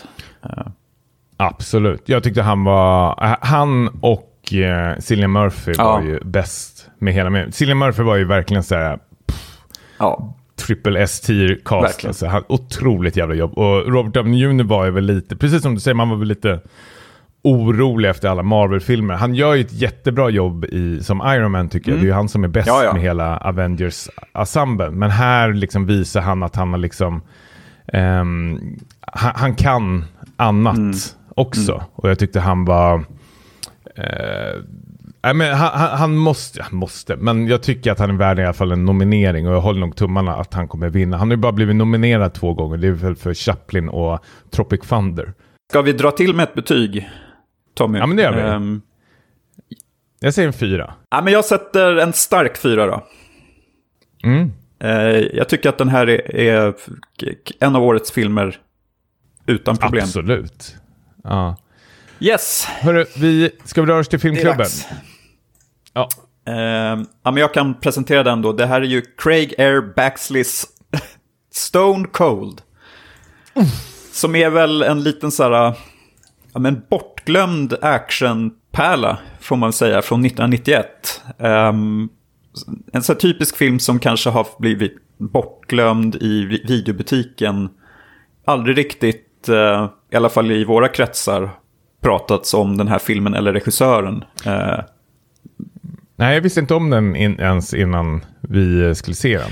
Så det här var ju ett gräv. Ett riktigt gräv. Ehm, och ehm, lite kort är, är ju att vi, huvudkaraktären som är en så här disgraced eh, polis som är avstängd. eh, han får då en möjlighet att eh, gå undercover för ett MC-gäng som är riktigt så här eh, hårt kriminella, ledda av Lance Henriksen.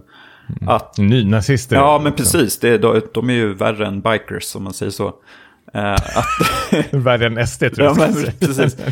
Eh, han får möjligheten att infiltrera dem och liksom sätta dit dem. Och han är ju totalt inkompetent, den här polisen. Och liksom... Eh, han kör ju fram som en... Det som... Han kör ju fram som en ångvält. Vi återkommer väl till det sen. Men, Okej. men det här blir väl som en blandning av typ så här Point Break möter någon så här eh, Steven Seagal-film möter MC-gäng på Sweden Rock Festival. Det är min känsla. Mm. Eh, En till referens som jag kommer slå. Ja, men det- det är bara- det- och eh, Sweden Rock. eh, det är bara ja, bra, snyggt. Den får du. eh, Eh, ja, Får jag säga en snabb sak där? Mm. Om det här. Eh, jag tyckte om den jättemycket för det första. Eh, det är ju att den här filmen är ju från 91. Mm. Och hur den är filmad och hur alla actionscener och sånt är.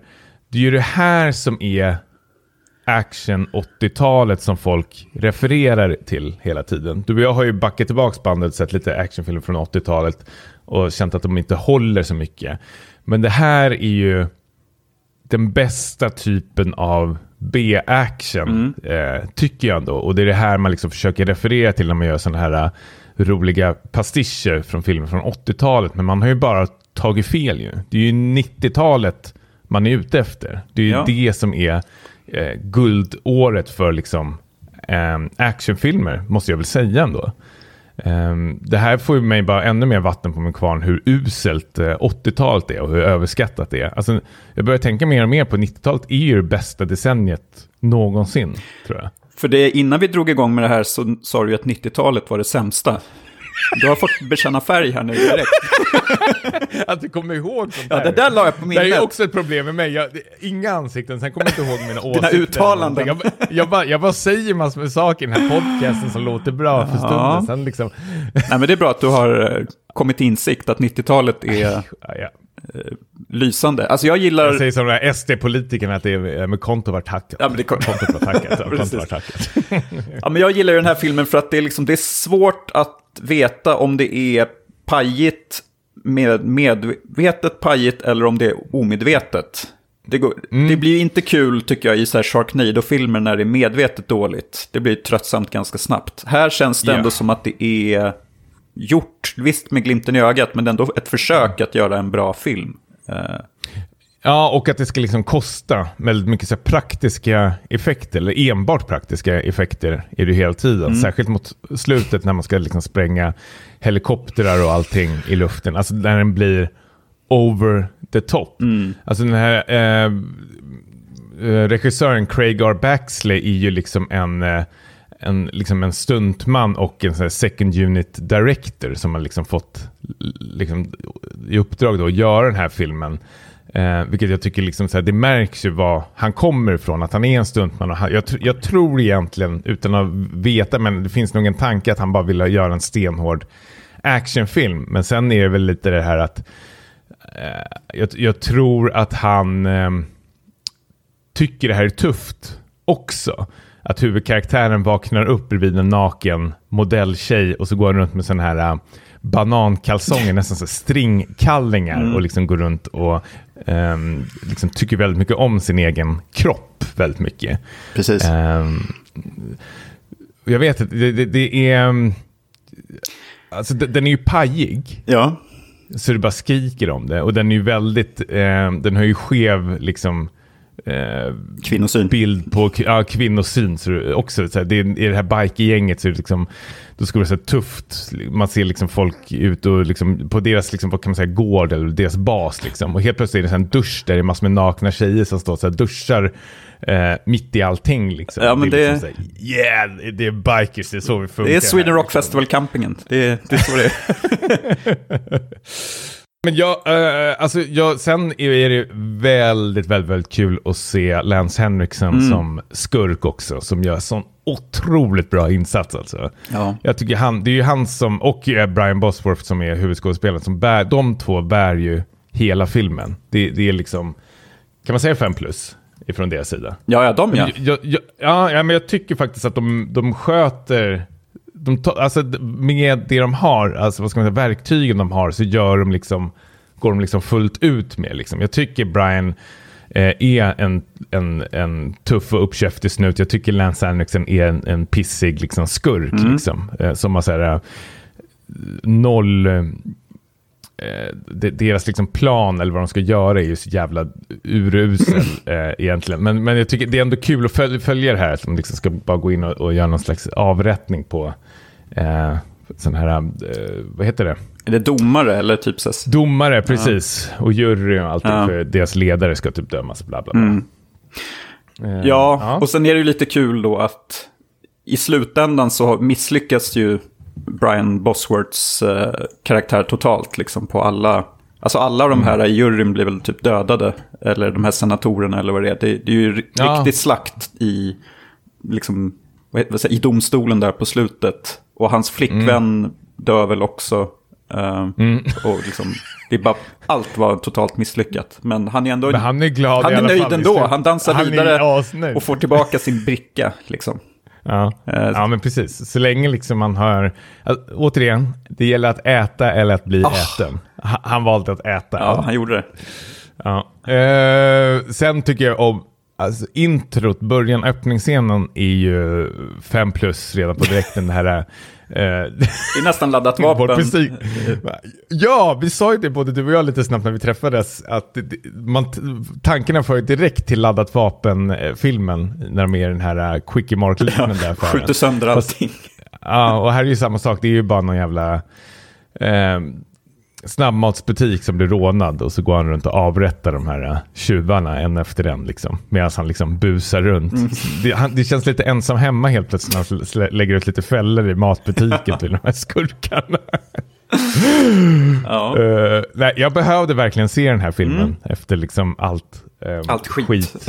man, man har sett uh, runt omkring. Ehm, absolut. Hörru, vi har fått lite kommentarer. Jag tror också att ehm, lyssnarna, i alla fall om vi ska döma av Discord-kanalen, så är den här filmen som har liksom eh, gått hem mest. Liksom. Det har varit väldigt mycket kommentarer eh, runt om den. Man märker när vi valde liksom pianist, eller pianisten, eh, piano, the piano teacher. Noll kommentarer. ja, det var svår. Ja, det var svår. Det var svårsmältigt. Sen när vi tog in eh, Stone Cold. Då vaknar Alla lyssnarna. Ja, så jävla råbånge hos allihopa.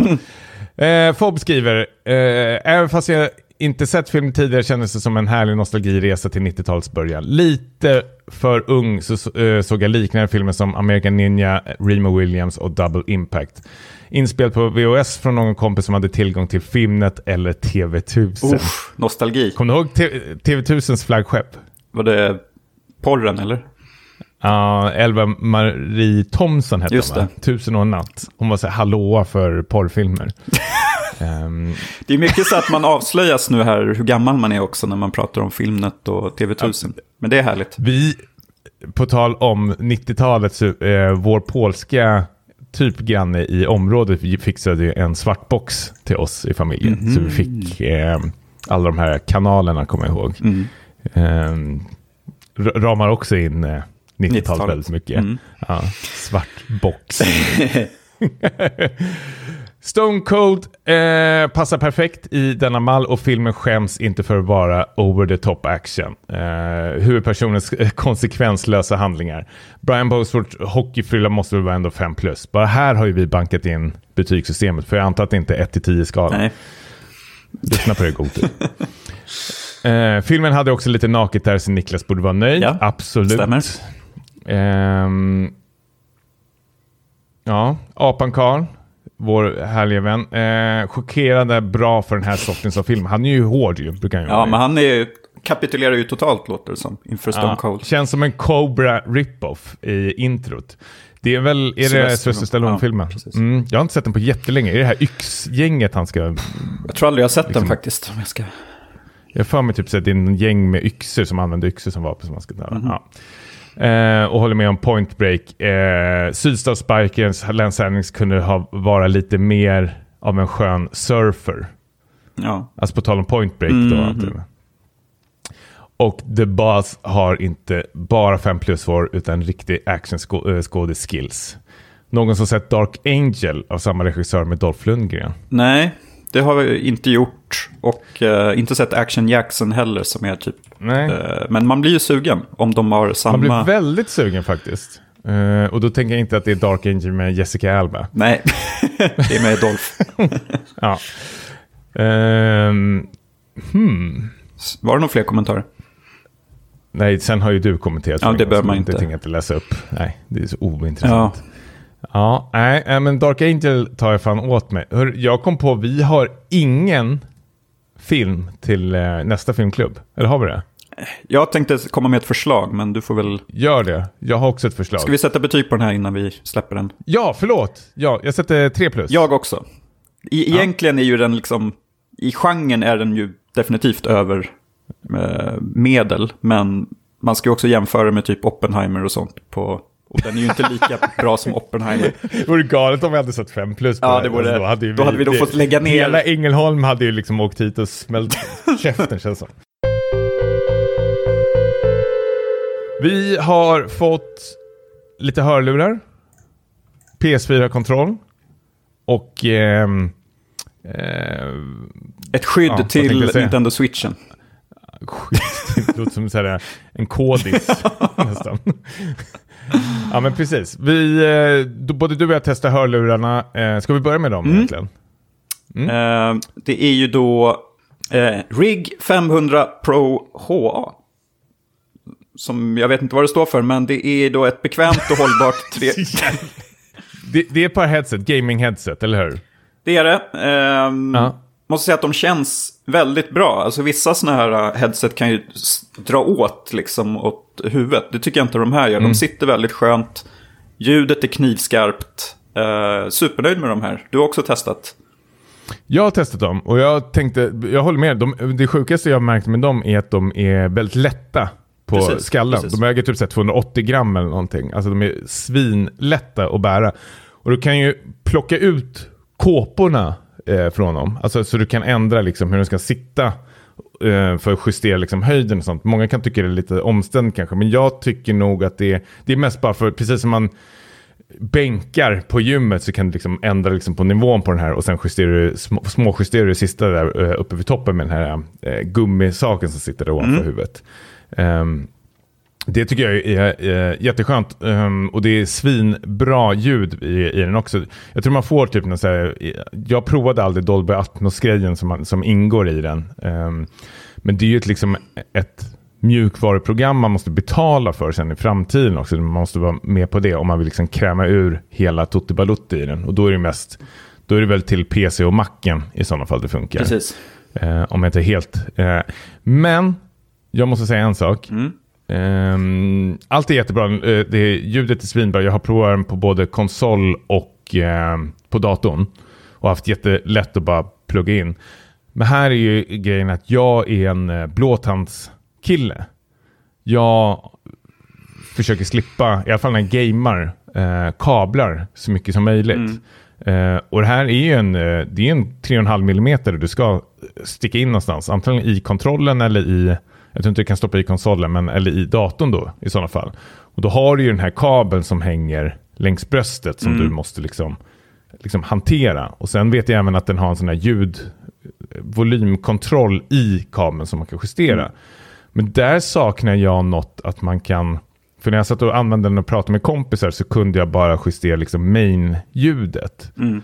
Eh, till exempel hörlurarna jag har nu och använder då kan jag liksom ratta och höja och sänka om jag ska ha Chatt sänka chatten, precis, eller in-game mm. liksom. Och det, det är det jag är ute efter. Men om man ska ha liksom ett par single player hörlurar, om man spelar själv och vill ha hörlurar och inte ha något emot en liten kabel som hänger ut, eh, då skulle jag nog spela kanske helst till eh, konsol då, för man kopplar in det i kontrollen då. Mm. Eh, då är den ju otroligt, otroligt bra. Men eh, jag, jag måste ju ändå säga vad jag är vad jag använder den till. Och det är liksom, jag, jag använder ju blåtand hela tiden mm. när det kommer till hörluren. Det är ett måste för mig när jag ska spela. Jag måste ha trådlöst faktiskt, av bekvämlighetsskäl. Ja. Eh, men då förlorar du ju lite kvalitet när man kör blåtand. Eh, 3,5 mm blir ju bättre Precis. ljudmässigt. En balansgång. Eh. Mm. Hur känner du då? Jo, men jag vill väl också slippa sladdar helst. Eh, det är lätt att trassla in sig. Jag har tappat de här mm. som jag har på mig nu, som har sladd. Många gånger för att de har trasslat in sig i stolen. och sånt mm. jag rest på. Men du har ett par hörlurar nu till eh, datorn, mm. eller hur? Är det här någonting du kommer ersätta de här med, eller? Eh, inte riktigt Hur? bestämt mig, för den här som jag har nu, de här Arctis, de har ju också att du kan liksom växla mellan in-game eh, ljud och chatt och sådär. Um, mm. Men jag funderar på om jag ska använda den här riggen till när jag sitter och spelar musik. Eftersom ljudet är så bra och de är så lätta att ha på sig. Det var det som var nästa fråga. För du, du har ju en liten studio i ditt rum. Ja, men precis. Hur har det funkat? Jo, det funkar bra. Um, ja. Men ja, precis. Det blir ju lite sladdar. Jag har ju typ här, tre olika liksom, headsets nu. Jag skulle egentligen vilja mm. ta bort något. Så eventuellt att riggen kan ersätta något av mina gamla headsets där mm. faktiskt. Mm. Så jag ska nog använda det till det. Mm. Härligt. Men det är ju en eh, rekommendation ändå från vår båda sida om man nu gillar sladd. Alltså om man inte har något emot mm. det så är det ju ett otroligt eh, bra köp. Jag vet inte vad de här går för. Jag vet att eh, de är väl... Alltså, runt 800 spänn får man nog räkna med att lägga ut i alla mm. fall. 849. Yep. Och det, den funkar till alla format. Eh, och man får även sån här Dolby Atmos-kod när man köper det. Eh, som funkar till PC, eller Xbox också, vet jag att det eh, har Dolby Atmos. Mm. Men jag tycker för priset eh, och allting, det finns ju på webbhallen, Amazon och Mediamarkt eh, att köpa, så är den absolut rekommenderad. ehm, tycker jag. Mm. Men då återigen, om man kan stå ut med eh, sladd. Precis. Om man tycker det är helt okej. Då är det bara att köra på egentligen. Då är det ett jättebra pris för det du får. Ja, håller med. För de är ju lätta ehm, och bra ljud i det också. Mm. Ehm, ja, och så är det mick också. Sån där, som man st- stoppar på. Precis. Ehm, och den funkar, det är som en vanlig mick egentligen. Det är inte någon jätte... Det är ingen podcast-mick eh, liksom, utan det är... Nej, precis. Eh, men det tror jag inte folk använder det till Nej. heller. Eh, det inget, nej. Grymt. Eh, du har även provat en ehm, till din Switch. Jag äger ingen Switch, så du fick den här till din OLED. Ja, men precis. Det är en Big Ben Silicon Glove. Som är då ett slags skydd mot repor och sånt. Ehm, nu när det är semestertider så har man ju åkt eh, ut och eh, ja, men på utflykter och lite sånt där. Och då är det ju perfekt om du vill ta med din Switch OLED att använda den här silikonöverdraget. För att man inte ska tappa den och, och, den ska gå sönder. Och du har det gjort nu med din OLED-Switch. Ja, men precis. Och du får ju ett mycket bättre grepp också. Ska säga. Den, är liksom, den sitter ju stadigare i handen. Eh, Jaha! ja, det, det, den har ju en sånt också. Ja, jag tittar lite på bilder på den när folk har satt på den. Men det bästa är väl ändå att... ehm, för jag skulle behöva en sån fast till vår um, Steam Deck. Steam Deck, precis. För Ja, den är det kan... man är mest orolig för är att, liksom, att den ska åka i backen när man har barn och sånt hemma. Mm. För jag tänker, är det här, en, nu är du ute och reser eh, och du har inga barn eller någonting, men det här är väl kanske också perfekt om man är en eh, barnfamilj och är rädd för eh, Mm. eh, ja, att konsolen ska tappas i marken. Känns den bra robust för det sättet? Allting håller ju inte bara att kasta ner Nej, marken. Men... den känns ju robust, men sen så har jag, jag vågar ju inte testa och tappa den och se om Nej. den håller, så jag kan inte garantera någonting. Ingen minns En fegis. Ja, vi, vi släpper Ja. den från andra Ät våningen. eller bli äten. Ja. Ja. Och den här kostar typ Släpp. 200 spänn, så att den är ju inte jätte liksom, dyr. Eh, Nej. värt, bra tillskott tror jag, till Switch-familjen. Ja, nej, men jag tror också. Och det är ett... Jag vet inte om det finns olika varianter, men det vi har fått är ju enbart anpassat för OLED, står det.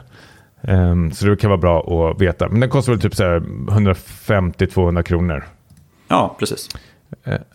Faktiskt. Sen har ju jag eh, provat en eh, Nikon Wired eh, Illumin- Illuminated Compact Control. En sån här riktig jävla håll käften Playstation 4-kontroll. Och funkar med PC. Som också är en sladdkontroll faktiskt. Det jag provade först var att koppla in den i eh, PS5. Mm.